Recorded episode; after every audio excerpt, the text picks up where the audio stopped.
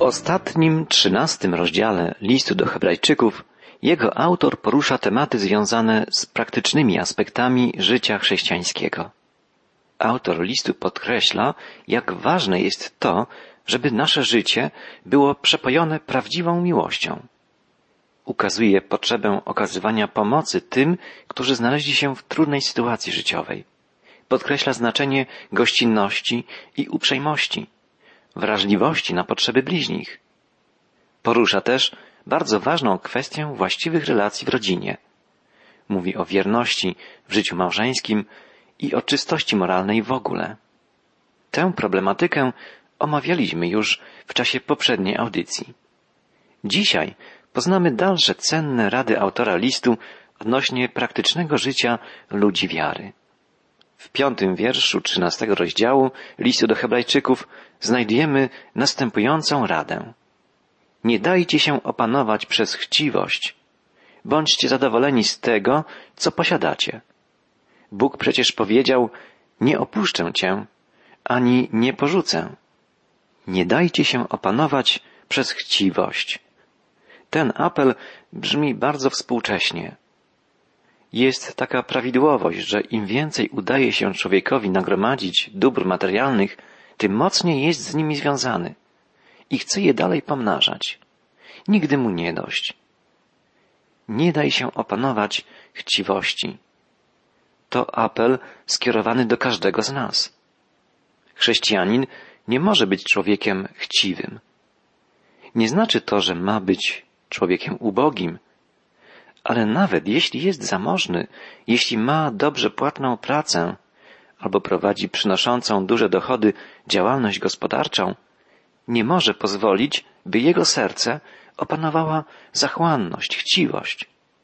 Zachłanne dążenie do pomnażania bogactwa prowadzi bowiem do duchowej i moralnej degradacji. Zawsze trzeba pamiętać o tym, co jest prawdziwym celem życia, jaki jest jego najgłębszy sens. Człowiek wierzący musi być wolny od miłości pieniędzy. Ma być zadowolony z tego, co posiada. Posiada przecież, jako uczeń Chrystusa, coś najcenniejszego łączność z Bogiem. Autor listu apeluje, bądźcie zadowoleni z tego, co posiadacie. I dodaje, Bóg przecież powiedział, nie opuszczę cię, ani nie porzucę. Boża opieka, obecność Boga w naszym życiu to najwspanialszy dar, najcenniejszy skarb. Czy można być niezadowolonym, gdy się trwa w bliskiej więzi z Bogiem? Gdy On, Stwórca i Zbawiciel zapewnia, nie opuszczę Cię, ani nie porzucę? Autor listu przytacza tu słowa zapisane w księdze Jozuego. To Jego żywy Bóg zapewnił o swej opiece, o troskliwości, o wierności. Tę samą obietnicę kieruje Bóg w stronę każdego z nas. Tak więc możemy mówić z ufnością, Pan jest mi pomocą. Czegóż mam się lękać? Kto mi uczyni coś złego? Po raz drugi autor listu cytuje tu Stary Testament. Tym razem są to słowa psalmisty. Możemy te słowa powtórzyć, uczynić je własnym wyznaniem. Pan jest mi pomocą. Czegóż mam się lękać? Poczucie bezpieczeństwa, radość z łączności z niebiańskim Ojcem to najpewniejsze i najwłaściwsze źródło zadowolenia. Bądźmy zadowoleni z tego, co mamy. Mamy przecież tak wiele. Możemy mówić z ufnością i radością, Pan jest mi pomocą. Czegóż mam się lękać? Kto mi uczyni coś złego? Przecież Bóg powiedział, nie opuszczę cię, ani nie porzucę. Aby jeszcze bardziej dodać wierzącym otuchy, autor listu pisze dalej. Pamiętajcie o swoich przewodnikach, którzy głosili wam Słowo Boże. I rozważając koniec ich życia, bierzcie przykład z ich wiary. Przykład życia tych, którzy już odeszli, może być dla nas wielkim zachęceniem. Pamiętam swojego dziadka, który pomimo sędziwego wieku z wielkim zapałem studiował Biblię. Czytał ją przez całe życie i starał się stosować prawdy biblijne w życiu na co dzień. Rozmawiałem z nim kilka dni przed jego śmiercią. Studiował list do Rzymian i dzielił się swoimi przemyśleniami. Mówił, że ósmy rozdział tego listu, gdzie apostoł Paweł pisze o tym, że nic nie jest w stanie odłączyć nas od miłości Chrystusa, jest dla niego najpiękniejszym fragmentem Biblii i że czyta go zawsze tak, jakby czytał go po raz pierwszy. Dziadek odszedł do Pana w nocy, siedząc za stołem, przy którym spędzał nocne godziny, gdy nie mógł zasnąć. Czytał wtedy Biblię. Zapisywał w zeszycie swoje spostrzeżenia. Odszedł w pokoju, wiedząc dokąd idzie. Szedł na spotkanie z tym, którego ukochał. Brakuje nam teraz Jego pouczeń, Jego napomnień. Brakuje nam Jego modlitw. Wspaniale jest, gdy możemy brać przykład z ludzi, którzy byli dla nas przewodnikami wiary.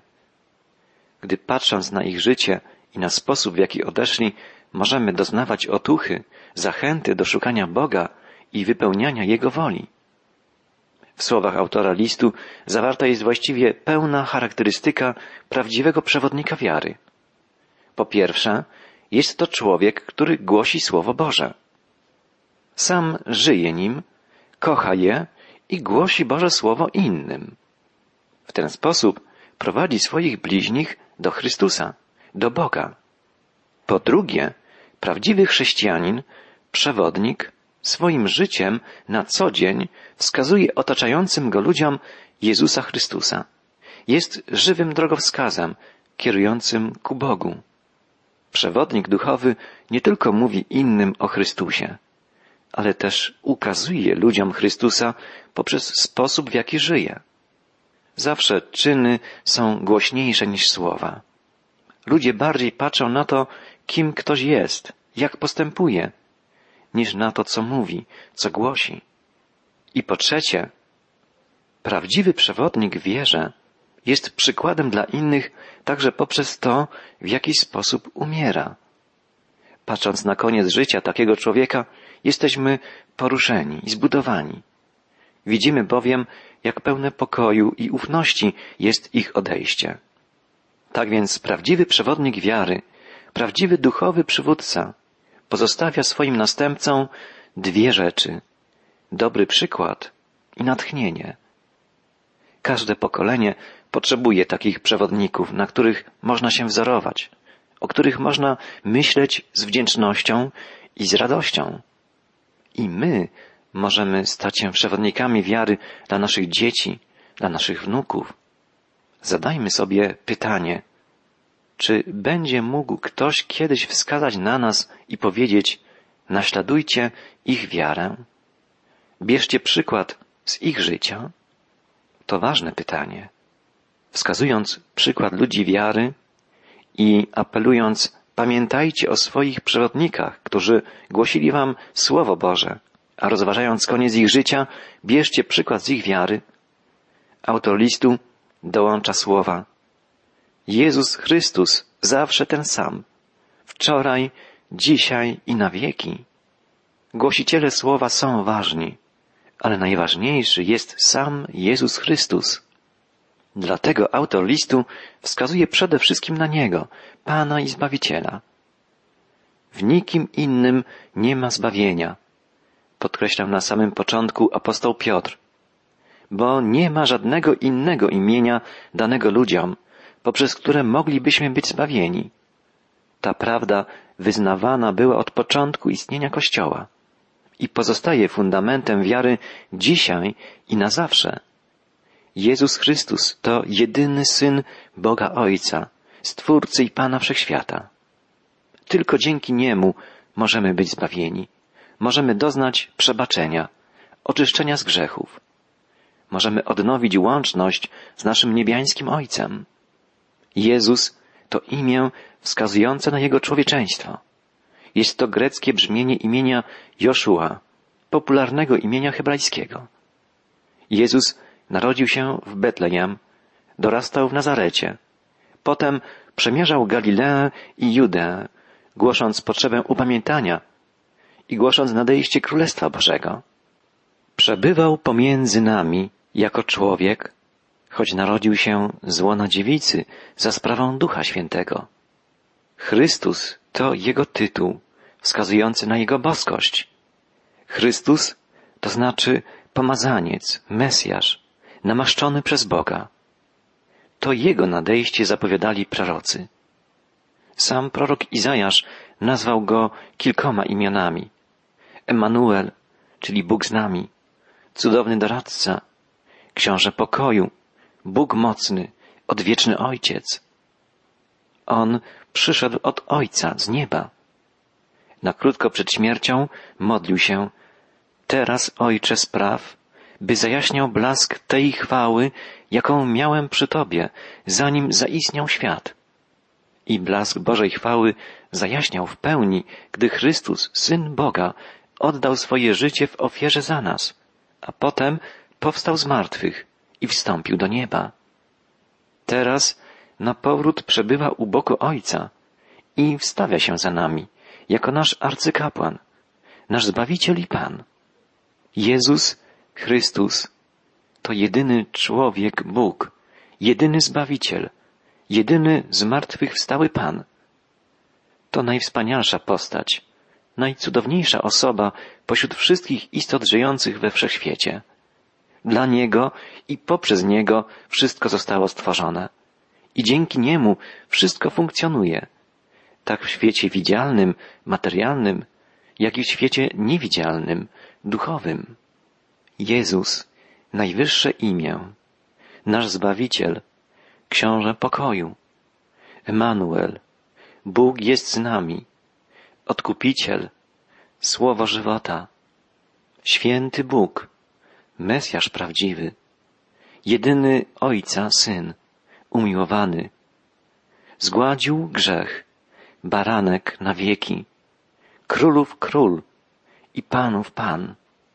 Słowa tej pieśni wielbiącej Jezusa są jak balsam dla naszej duszy. Jakże wspaniale jest znać Jezusa.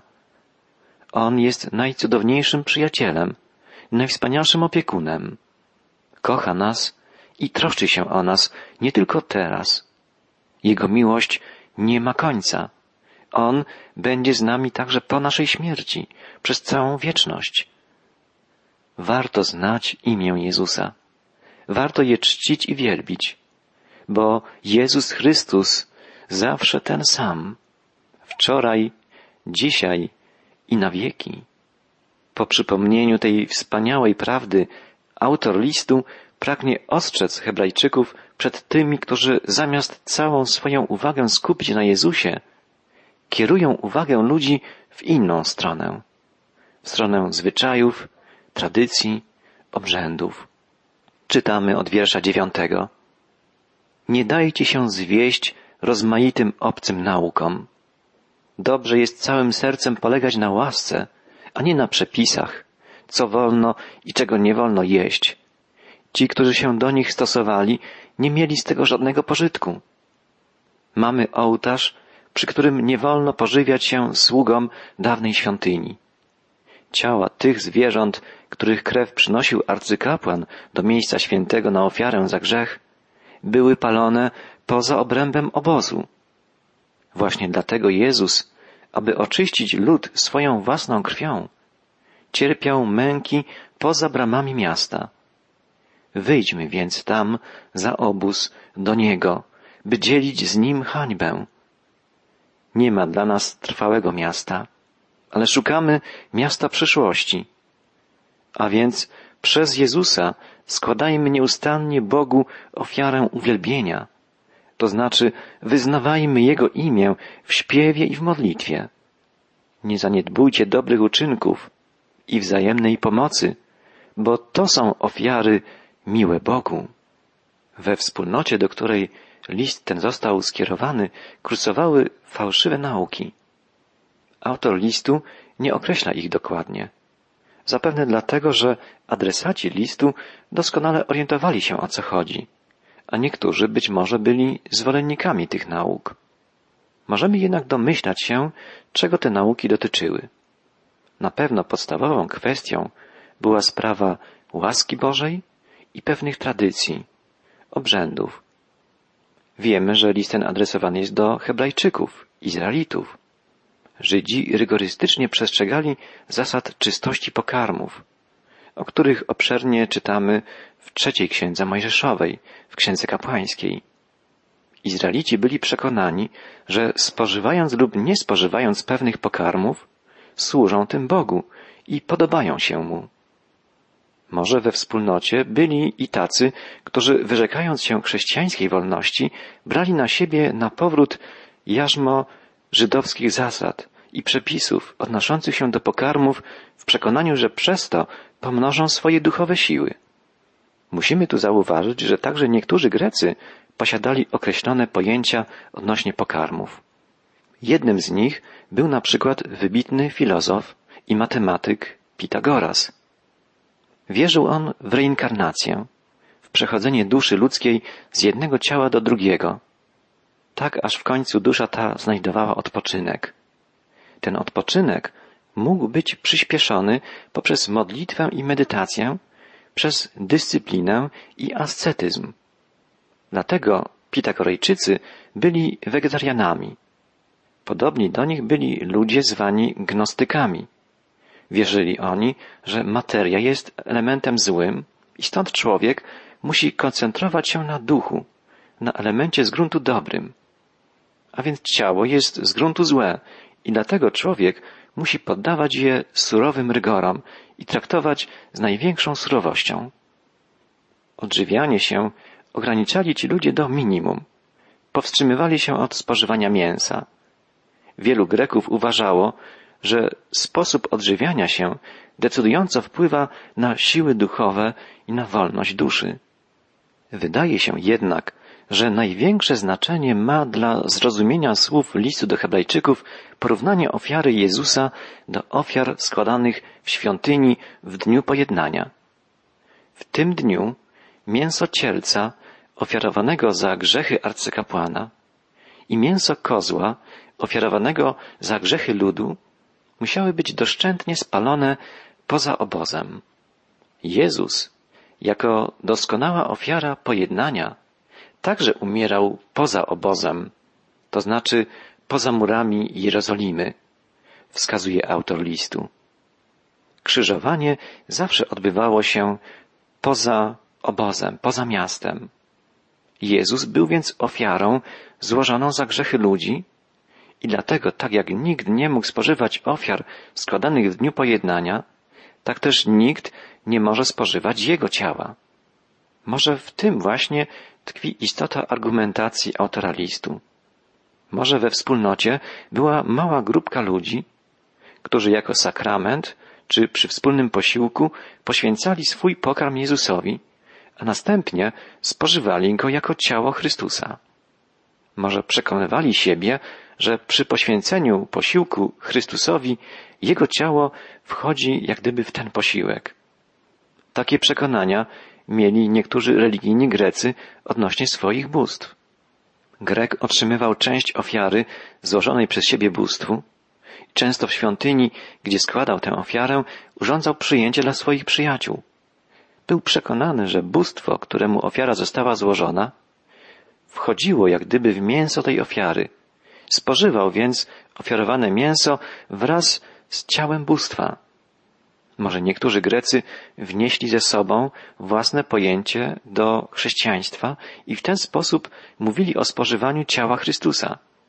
Autor listu do Hebrajczyków z całym przekonaniem stwierdza, że żaden pokarm nie przybliża Chrystusa do człowieka, że Chrystus wchodzi w serce człowieka tylko poprzez wiarę i dzięki łasce Bożej.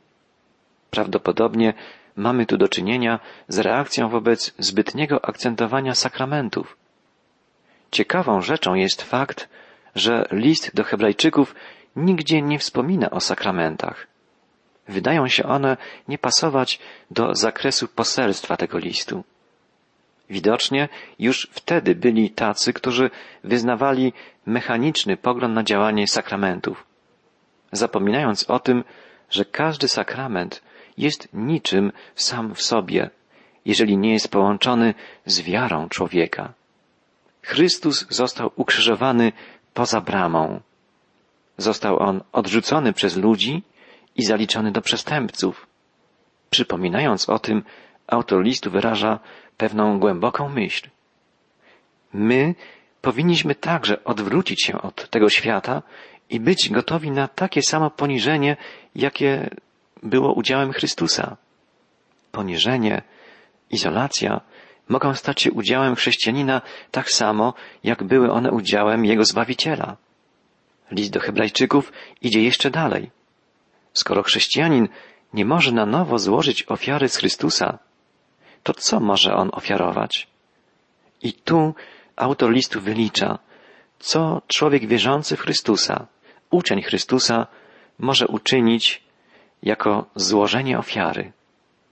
Może po pierwsze nieustannie składać Bogu ofiarę z uwielbiania i wdzięczności.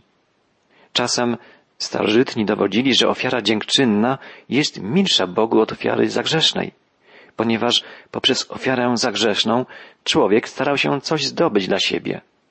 Natomiast ofiara dziękczynna była wyrazem nieuwarunkowanej wdzięczności serca.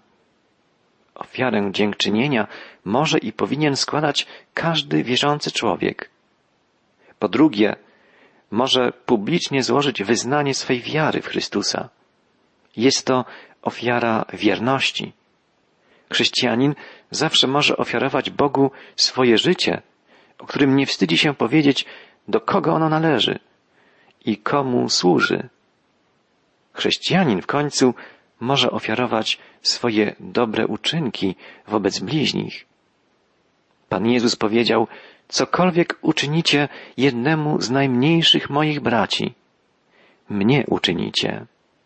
To jest najlepsza ofiara, jaką możemy dzisiaj złożyć Bogu. Miłość do Niego. Wyrażajmy poprzez miłość i pomoc okazywaną potrzebującym, tym, których On tak bardzo ukochał.